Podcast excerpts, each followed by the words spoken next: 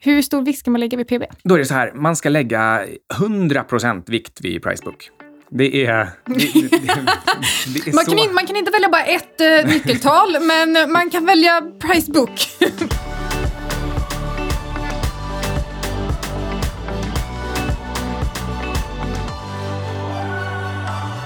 Hej alla barn ur barnprogram! Välkomna till Outsiders med Syding och Svan. Innan vi kör igång det här avsnittet så vill Outsiders tacka pensionsbolaget Skandia som är en av våra sponsorer den här veckan. Skandia förvaltar en livportfölj om 450 miljarder kronor, mesta delen inom tjänstepension. Precis, och de har precis släppt placeringsutsikterna, vilket de gör två gånger per år. Och där diskuterar de sin syn på det ekonomiska läget i världen. Och höstens tema är sällsynt svag krona, hög avkastning men ökad risk. Vilket jag, föga förvånande, tycker är extremt intressant med tanke på mina senaste uttalanden om svensk penningpolitik. Artiklarna i placeringsutsikterna de är skrivna av Skandias kapitalförvaltning och marknadssynen bygger på den långsiktiga synen i Skandias livportfölj. Jajamän, och vi har träffat eh, Johan Lundqvist som är eh, Skandias makroekonom och så här lät det då. Johan, ni skriver i placeringsutsikterna att det är viktigt att fråga sig hur mycket man vill riskera för att få möjligheten till mer avkastning framöver. Hur menar ni? Ja, börsen har stigit i nio och ett halvt års tid nu efter finanskrisen och det är som du säger det är hög avkastning vi har fått på våra pengar under de här åren. Och vi menar att det, den viktigaste frågan man har att ta ställning till nu som är viktigare än exempelvis vilken aktiemarknad man ska välja det är hur mycket av den här avkastningen som man är beredd att riskera. Eh, och där måste man ha i åtanke också att om man inte gör något beslut, om man inte gör någon förändring så är det faktiskt också ett beslut man tar. För långsiktiga placerare så behöver inte det vara en särskilt stor fråga men för de som är lite mer kortsiktiga som kanske behöver sitt kapital inom något eller ett par år då är det i allra högsta grad en central fråga. Hur mycket av de senaste årens avkastning som man är beredd att riskera. Ni hittar placeringsutsikterna på www.skandia.se. Tack Skandia. Tack Skandia. Du, um, vi såg en dokumentär, eller en intervju med Druckenmiller i fredags och i lördags var Drunkenmiller här, eller hur? Ja, det var i alla fall en legendarisk investerare som borde ha hetat Drunkenmiller på plats. ja, men det var en kul kväll. Uh, jag och Micke bestämde oss för att uh, vi skulle ha en uh, dagsfest hemma and uh, so we did. Uh, en never-ending sådan tydligen. Så då hälsade Drunken Miller på tydligen. Det är tydligen svårt att säga att en fest ska vara 12 till 20. ja, så den höll på 12 till 06. Oklart, men väldigt kul i alla fall. Eh, vi ska inte prata så mycket mer om det.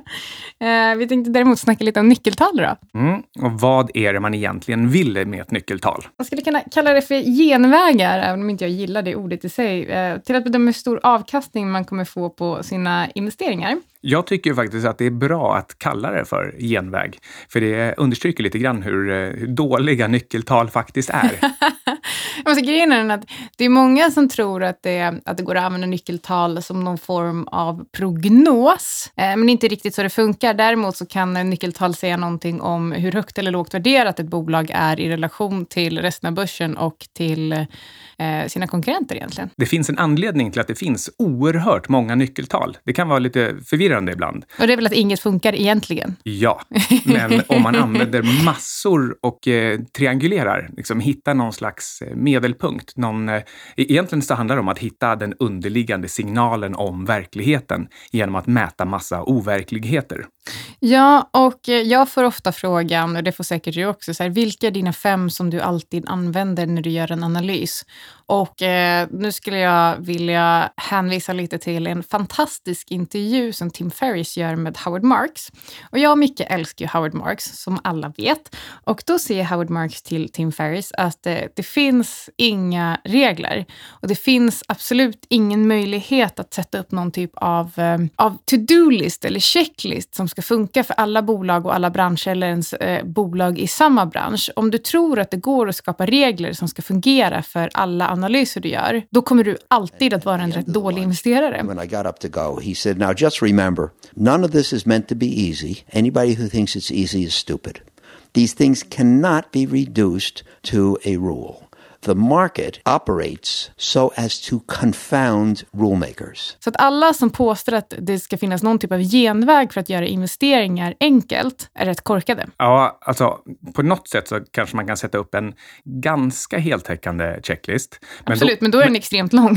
Precis, då blir den så lång så att den blir helt eh, omöjlig att använda i alla fall. Exakt. Så då kommer den inte säga någonting. För det enda man kommer kunna säga om den färdiga analysen sen är det här pekar på att det är billigt och det här pekar på att det är dyrt. Det här pekar på att man borde köpa, det här pekar på att man borde sälja och det här pekar på att vi borde vara neutrala. Så det kommer egentligen inte säga någonting. Precis.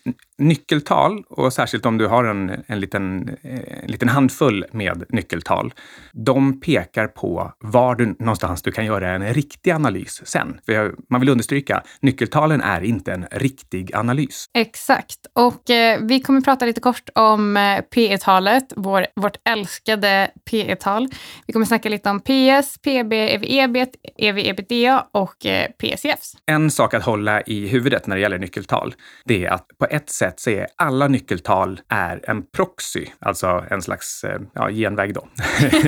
en, en, en, en, en, eh, vad heter det, så här ställhållare, håll, ja, en Hållställare, grej. ställhållare. En, en placeholder, en grej som bara är där för ett enda syfte och det är att eh, göra en approximation av vad kassaflödet är i framtiden. Du betalar ett kassaflöde när du köper en aktie och du får tillbaka ett kassaflöde på något sätt. Antingen genom vad företaget eh, åstadkommer i vinst och, och kassaflöde och sedan delar ut eller genom att sälja aktien till någon annan. Okej, okay, fast då räcker det väl bara med att titta på direktavkastningen? ja, ja, men jo, men det, det gör ju faktiskt det. Alltså, egentligen så är det det man är ute efter. ja, men ni vet att det inte är så det funkar. Men eh, vi kan köra igång med vårt älskade PE-tal, alltså antal årsvinster man betalar för aktien. Hur många här som har hört meningen köp aktier med lågt PE-tal kan räcka upp en hand? Och, jag har hört meningen. Ja, räck upp en hand då. Tack. Det här tycker jag är eh, ja, men egentligen ganska skrattresande. Men, men Micke, så här, vi, vi sa det, så antal årsvinst som man betalar för aktien. Varför är det här ett så himla populärt nyckeltal? Jag tror att det är för att det är så himla enkelt. Ja, men du hör ju själv. Du kan beskriva exakt vad det handlar om med en halv mening. Så här är det. Bolaget gör en vinst under en period av ett år och om eh, aktien handlas till tio gånger det så betyder det att det tar tio sådana årsvinster innan du har fått tillbaka pengarna. Eller ja, egentligen innan företaget har fått tillbaka pengarna pengarna. Sen är det inte säkert att du får dem av företaget. Men, men det låter väldigt enkelt. Och tycker man att det är värt att vänta tio år och sen allting därefter är gratis avkastning. Och här, Mark säger faktiskt en annan extremt spännande sak och det är att det spelar faktiskt ingen roll vad du köper utan till vilket pris. Och eftersom att alla nyckeltal på något sätt säger någonting om hur högt eller lågt värderat ett bolag är så ska du faktiskt då titta efter bolag som är lågt värderade. Så, så då är det ju så ju. Då ska du alltså köpa bolag med lågt PE. Ja, eh, absolut. Men det beror lite på vad det är för typ av bolag också. Jag menar, större och mognare bolag som inte längre växer brukar generellt ha lägre P tal Det här gäller dock inte H&M tydligen. Vi ska komma in på det lite längre fram. Men eh, mindre bolag som växer snabbt kan ha lite högre P tal och det är lite för att marknaden förväntar sig stigande vinster i takt med att bolaget växer. Eh, så att ett bolag som ett P tal över snittet på börsen kan vara övervärderat, men det kan också vara så att bolaget växer snabbare än snittbolaget på börsen och, eh, och, att, det därför, och att marknaden därför värderar bolaget högre än dess konkurrenter. Och då kan vi ta ett um, inte längre snabbväxande bolag som exempel. H&M's P-tal är idag över 19 och eh, snittet på Stockholmsbörsen i sig har legat på runt 14 de senaste 100 åren. Idag ligger, eh, ligger det i snitt på eh, 18, cirka 18. Men eh, retailbranschen, eller eh, som, den branschen som H&M rör sig i, ligger på typ 15. Så H&M är alltså extremt dyrt. Och då kan man också titta på att det här är ett bolag som de senaste två åren, just nu om man tittar på kvartal 1 till 3 i år, så har H&M's eh, omsättning ökat med 1 procent och förra året var den oförändrad. Så frågan är, vill man betala gånger 19 för den här typen av bolag? Vill du det? Nej, det vill jag inte. Om jag nu måste svara på en fråga, vilket jag gör för att jag har en bokstavskombination som gör att jag inte kan säga det jag egentligen vill. Tänk om man kunde få vara politiker så man bara kan säga det man ville egentligen. Du kanske skulle satsa på det? Ja, och då är det så här, jag, skulle, jag, vill, jag vill backa lite grann. Vi pratade om billiga P tal men vi har inte definierat vad ett billigt P tal är. Och sen började du göra lite olika jämförelser som ändå implicit säger att det är höga eller låga, billiga eller dyra P tal Du började med till exempel att säga att du kan jämföra ett enstaka bolag, H&M's mm. P tal med hela börsen. Mm. Alltså, alltså med, tänk hela Stockholmsbörsen. Då. Precis, med allting som finns egentligen. Ja, och det ska man inte göra för det är ingen rättvis jämförelse. Det säger egentligen inte så mycket. Du kan inte basera ett beslut på det. Möjligen om man gör lite andra antaganden. Till ja, exempel ja. säger att branschen som H&M verkar i eller H&M själva, om man kan tro att de eh, växer snabbare än alla andra i snitt eller om de kommer förbättra eller försämra sin lönsamhet jämfört med alla andra i snitt. Men det kan ju vara lite svårt att hålla reda på.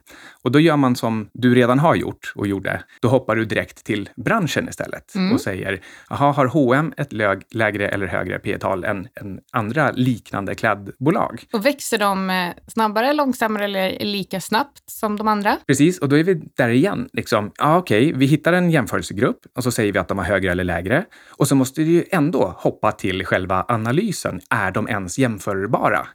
Och då finns det ett tredje sätt som jag verkligen gillar. Mm -hmm. Och det är att man bara jämför med sig själv. Alltså H&M jämförs med H&M. Ja, absolut. Och, ehm, och, så, och, så, kan man ju absolut göra. Vet du ungefär vad H&M's P-tal har legat på historiskt när de faktiskt har haft en omsättningstillväxt på mellan 10 till 15 procent? För att om de hade en, ehm, om de, hade, om de låg på PE 19 som de gör idag, då, då säger det också en hel del om att de faktiskt inte bör göra det idag när omsättningstillväxten bara ligger på kring 1 procent, eller hur? Svar ja, för att jag måste svara på frågan.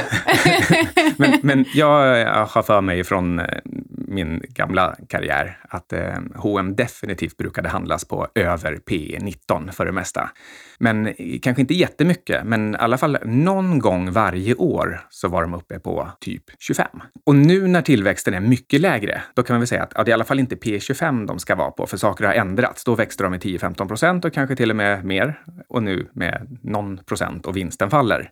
Så okej, okay, 25 vore för dyrt nu. Men vi vet ju fortfarande inte om 19 är högt eller lågt egentligen. Vi vet liksom inte hur mycket vi ska justera ner P talet bara för att vinsttillväxten har fallit med x procent. Okej, okay, men jag kan fortfarande tycka att, eh, att betala 19 gånger årsvinsten för ett bolag som inte växer där vinsten faller är för dyrt. Och då jämför jag det eh, med egentligen, men det kanske bara är min egna preferens. Nej, ja, ja nej du har helt rätt. Och, och, och jag svarade ju ja också innan. Alltså, jag jag håller fullständigt men, med. Så, så, var vill du komma? Jag vill bara komma till att det här är, är svårt. Att ja, inte... ja, självklart är det jätte, jättesvårt. Eh, och vi, vi kommer inte tala om vad som är rätt, och, äh, rätt eller fel, förutom att vi kan konstatera att om man bara tittar på HMSP-tal så ser det ganska dyrt ut just nu sett till en omsättningstillväxt om 1 procent. Men det säger inte att det, det, faktiskt inte går att hitta andra parametrar på H&M som gör att eh, bolaget ändå ser attraktivt ut om de har handlats på ett PE kring 25 fram innan, om man ser till exempel att, on, ähm, att eh, onlineförsäljningen nu senaste kvartalet växte med 32 procent, så skulle det kunna vara ett tecken på att någonting faktiskt håller på att hända i bolaget. Men sen får man lägga på fler parametrar. Men, det, men nu skulle vi diskutera nyckeltal. Men, så nej, det, det vi försöker säga här egentligen är att ja, man skulle kunna få någon form av indikation på, mm, alltså efter att man kollar på P-talet, om ett bolag är dyrt eller inte, i relation till hela Stockholmsbörsen, i relation till sin bransch eller i relation till sig själva. Men det räcker inte för att faktiskt göra, avgöra om bolaget är dyrt eller inte. Men om H&M hade vuxit lika fort som förr i tiden och nu handlade på P 19 istället för P 25. Det hade kanske gjort det lite enklare. Då hade man kanske tyckt, ja, men grundansatsen här blir nog då att det är billigt nu och så, och så gör man analysen därifrån. Men där vi är nu, då är det mer så här, ja, vi hittar ingenting riktigt vettigt att jämföra med. Så vi fick liksom ingen riktig hjälp av eh, P-talet i det här fallet. Mer än att vi vet båda två att P 19 generellt sett är dyrt. Då ska du ha ett bolag som eh, producerar mycket kassaflöde och växer. Exakt. Men eh, det är ju faktiskt också så här att vi behöver ju sätta någon form av prognos på vad bolaget ska kanske gå, göra i vinst nästa år. Eh, och då skulle man kunna gissa vad den vinsten blir och sen räkna ut ett förväntat P tal på nästa års vinst. Eh, men man skulle också kunna använda, och vi ska komma in på PS-tal nu, för att se hur marknaden värderar bolaget. Och då tittar man på priset i relation till omsättning istället för vinst. Så PS-tal, Micke. Ja, Go wild. Li, okay. Lite märkligt med PS-tal, alltså price over sales, till skillnad från price over earnings det är att här får man egentligen ännu mindre information. När vi tittade på P talet då vi vet vad vinsten är och vi kanske kan göra en hygglig gissning om vad vinsten blir nästa år. Det vill säga ungefär samma, typ. Men price sales-talet, då vet vi bara hur många årsomsättningar som företaget värderas till. Men om vi inte vet vilken vinstmarginal de gör, då har vi inte ens, då har vi liksom inte ens ett P tal att förhålla oss till. Och varför är det då bra? Jo, det är för att det här talet är mycket stabilare. Sales är mycket lättare att eh, prognostisera och det är också mycket lättare att titta bakåt i tiden vad, vad price sales-talet har varit och få någonting hyggligt jämförbart. För ett problem med P tal det är att marginalerna är så cykliska. Ingen som lyssnar på den här podden vet om det ännu, för de har bara funnits med i 5-10 år. Men, men, men förr i tiden då var det så att ibland så kunde vinstmarginalerna bli negativa för hela börsen. Året var 1900. Ja, låg, lågkonjunktur kallas det. Shit, jag vet att de har strukit det begreppet ur dagens ekonomiundervisning. Men, uh, men ja. jag tror att det kanske kan bli lågkonjunktur någon gång i framtiden igen. Du är så himla tråkig, du är som partypooper. ja, men då kommer man märka att det är lite svårt med P tal på, på förlustbolag. Och för att kunna jämföra med någonting då, då kan man se, jaha, men price sales är 1,2 nu, det har varit 1,5 förut som lägst ett och som högst tre, då har man plötsligt någonting att jämföra med som faktiskt också är hållbart över cyklerna. Och man brukar säga att ett högt P-tal kan tolkas som en säljindikation eftersom det, det skulle kunna betyda att det finns för höga förväntningar på bolagets omsättning. Eh, ett lågt tal skulle istället kunna tolkas som att det finns utvecklingspotential och i och med att förväntningarna är lågt, är lågt ställda så går de att överträffa. Samtidigt skulle man också kunna se det som att marknaden tror att bolaget kommer fortsätta ha problem i framtiden. Så återigen, finns inget rätt eller fel. Nej, precis. Däremot, men jag tycker så här, det här är en oväntad variant av contrarian. I normala fall när folk försöker vara motvalls, då är det så här, ja men nu, nu, nu är det till exempel dyrt. Då ska man köpa det, för det är grejer på gång. Och det kan mycket väl vara så. Eller så säljer man dem för att de ligger liksom längst ner i intervallet. För att ja, men det är antagligen så att jag vet inte om det här, men det finns information ute som säger att det kommer någonting katastrofalt framöver. Det är liksom två varianter av att eh, försöka vara extra smart. Men min variant är att hellre då titta på bolag som är nära sitt genomsnittliga price sales-tal. För då kan du vara nästan säker på att det inte är någonting stort på gång. Och lite grann kan det vara så att det inte är så mycket intresse heller. För att det inte är folk där och, och, och uppmärksammar att den sticker ut på något sätt, utan det är bara trist, ett trist läge mitt i. Som Tesla ungefär nu? De är inte i ett trist läge mitt i. Försökte bara vara contrarian, är det inte så man gör? Ja, nej, men Tesla är ett jättebra exempel på precis motsatsen. Där alla har en åsikt, alla tycker att de är superdyra eller superbilliga och liksom folk, alla tittar på dem på något sätt. Åh, oh, man kan inte på fullt allvar tycka att de är superbilliga. Jo då. Nej. Ross Gerber räknade igår ut att den ska stå 571 med en liten back on the envelope. Och, och Price 4, givet att. Och så, så var det någon enorm mängd bilar de skulle tillverka. Ja, men alltså, då, alltså in, innan, innan vi gör det här så kan de väl se till så att de faktiskt eh, har någon form av positiv marginal på bilarna de tillverkar. Nej, nej, nej. Price sales. jag lyssnade på tal om Tesla på en superbra podcast i morse med en intervju som eh, Patrick Suresna gör med eh, Danny Moses i Invest Like the Best, där eh, Danny Moses säger att eh, skit i om man ska vara kort Tesla eller inte, men det, finns, det kan inte finnas en enda seriös fondförvaltare som eh, är lång Tesla. Och det är för att det, i så fall har man exakt noll risk management och det tyckte jag var väldigt bra sagt. Det spelar ingen roll om man gillar Tesla eller inte, men har du någon form av risk management så är du inte inne och petar i Tesla. Nej, jag tycker Nomura sa det rätt efter den här intervjun, då de sa att nu ändrar vi vår, vårt investeringsläge till att det här är non-investable.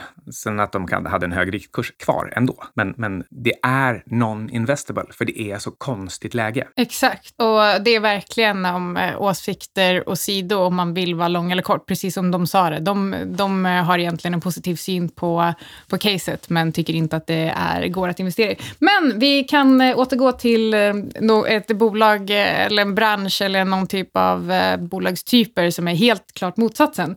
Kapitalbindande bolag som banker och till exempel skogsbolag, som, eh, där man skulle kunna titta på ett nyckeltal som kallas price book eller PB. Mm. Och du, Carl Mikael Syding, som har varit bankanalytiker. Hur stor vikt ska man lägga vid PB? Då är det så här, man ska lägga 100% vikt vid price book. Det är... Det, det, det är man, kan in, man, kan inte välja bara ett äh, nyckeltal, men man kan välja price book. så här okay. gör man en bankanalys. Banker har ett, ett litet, litet kapital. Eh, det här kallas liksom för en buffert eller deras kärnkapital. Det kapitalet är liksom deras hävstång. Det är själva verktyget för att skapa avkastning. För, för sen är Ingves så snäll att han säger att om, om du har en krona, herr, herr bankdirektör, herr mm -hmm. Dr. Sleevesdown. Den kommer inte vara värd en krona nästa nej, år. Nej, här, om du har en krona, herr bankdirektör, då får du låna ut 100 kronor. Så du, får, du kan, du kan eh, låna ut till folk som köper bostäder och låna ut till folk som köper bilar eller vad de nu än gör för någonting oansvarigt med sina pengar. Eh, och så kan du berätta för oss att du har de här säkerheterna och då får du, liksom, då får du 100 kronor till av oss eller egentligen du får liksom bara skapa dem på din egen balansräkning. Men, men du, får inte ha, du får inte ha för lite sånt där kapital eller book eller equity som det heter, alltså eget kapital. Och om man har det, då går det åt helvete. No, men nu, hopp, sluta okay. hoppa nu. om du då har det det här kapitalet så, och det bestämmer hur mycket du får låna ut. Då bestämmer det också hur mycket du kan tjäna. Du vill låna ut så mycket som möjligt eh, och för att tjäna så mycket som möjligt, men du får inte. Och, ehm, och det betyder att det här, det här egna kapitalet, i och, med att, i och med att det bestämmer exakt vad du får för intjäning, så bestämmer också hur många gånger av det egna kapitalet som en investerare kan vilja betala för det. Och då är det så här, om ditt kapital är 100, det är 100, och du kan eh, tjäna en return on equity på 10% på det här kapitalet. Vad är då någon beredd att betala för kapitalet? Kapitalet är 100 och du tjänar 10 per år på de, på de 100 ja, då är det så att då är marknaden beredd att betala kanske en och en halv gånger, alltså 150. Och betalar man 150 så blir den liksom faktiska avkastningen, då blir inte den 10 procent, utan då blir den liksom typ 7 procent. Mm. Så, så funkar Price Book. Eftersom, ah. eftersom booken helt helt och hållet bestämmer din intjäning så bestämmer den också helt och hållet vilket värde du vill betala för en bank. Okej, okay. eh, men eh, det är inte helt ovanligt att eh, p-betalen är högre när konjunkturen tuffar på uppåt? Nej, det är liksom som vanligt då att eh, folk tappar huvudet och glömmer bort att, att det kommer lågkonjunkturer, det kommer kreditförluster, det kommer eh, penningtvättslagar som säger att eh, det kommer en bot som kommer ta bort en del av equityn. Så om du har 100 equity så får du plötsligt en, en böter på, på 20. Då har du bara 80 kvar i equity. Och även om du har samma liksom, price book multipel på den så blir ändå slutresultatet 20 procent lägre. Och, och skillnaden är ju verkligen att i en bank eller liknande företag som bygger helt och hållet på sitt regulatoriska kapital. Skillnaden mellan en bank och till exempel ett rörelsedrivande företag är att här är det ju faktiskt själva pengarna i kassan, själva boken som, som, som skapar intäkterna. Men det är det inte i andra företag. Där kan det vara människorna eller någon mjukvara som kan redan vara avskriven eller kostnadsförd. Ja, men, men Pricebook eller PB det är alltså ett slags nyckeltal som vi använder, precis som vi sa, till exempel banker eller skogsbolag, alltså kapitalbindande bolag. Men eh, okej, okay. så nu när vi har snackat bort hela det här avsnittet på bara tre nyckeltal istället för alla de sju som vi egentligen tänkte gå igenom.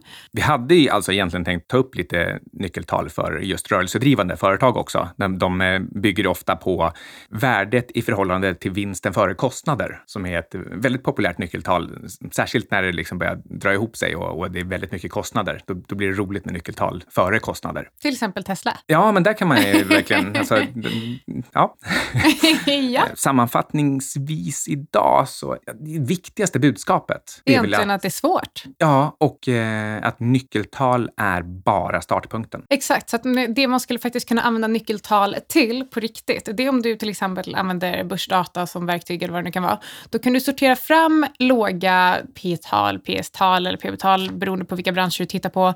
Och så kan du ta de som är lågt värderade där för att sen göra fundamentala analyser på. Så du kan använda dem för att sortera fram bolag men du ska inte använda de här nyckeltalen som grund för om du ska köpa eller sälja. Mm. Och um, kom också ihåg att det, det, går ju faktiskt också att sortera fram de som har till exempel nyckeltal i mitten av sitt intervall snarare än höga eller låga. Precis, för det, det kan ju faktiskt också vara väldigt intressant. Men ja, det är inte så många som gör det. Nej, och vi ska inte, men vi ska inte behöva in och pilla så mycket mer på det. Men eh, tack eh, Fontobel som eh, sponsrar det här avsnittet. Fontobel gör det lätt och effektivt att ta kortsiktiga positioner baserat på sin marknadstro. Ja, och vi har ju i det här avsnittet till exempel diskuterat H&M. Så om du har gjort en analys där du vill ta en lång eller kort position, så på lite kortare sikt, då finns det bull och Bear-certifikat hos Fontobel. Och om du vill hålla lite längre så har de även eh, mini-futures på både upp och nedsidan. Yes, och vi snackade faktiskt också lite om bankaktier och eh, nu den här veckan så har ju verkligen flera banker varit i blåsväder. Så vill du positionera dig med exponering mot banker så har Fontobel flera ETPer för det också. Mm. Men eh, tänk på att hur bra sådana här ETPer hos Fontobel du än väljer så innebär alla investeringar risk och då kan du förlora hela eller delar av ditt kapital. Precis, så ingenting vi har sagt i det här programmet ska ses som en rekommendation att köpa eller sälja några som helst finansiella instrument. Men tack Fontobel! Tack också till Alexander Marton som eh, fixar ljudet i våra avsnitt. Ja, men det var väl allt för Outsiders. Outsiders. Hej då!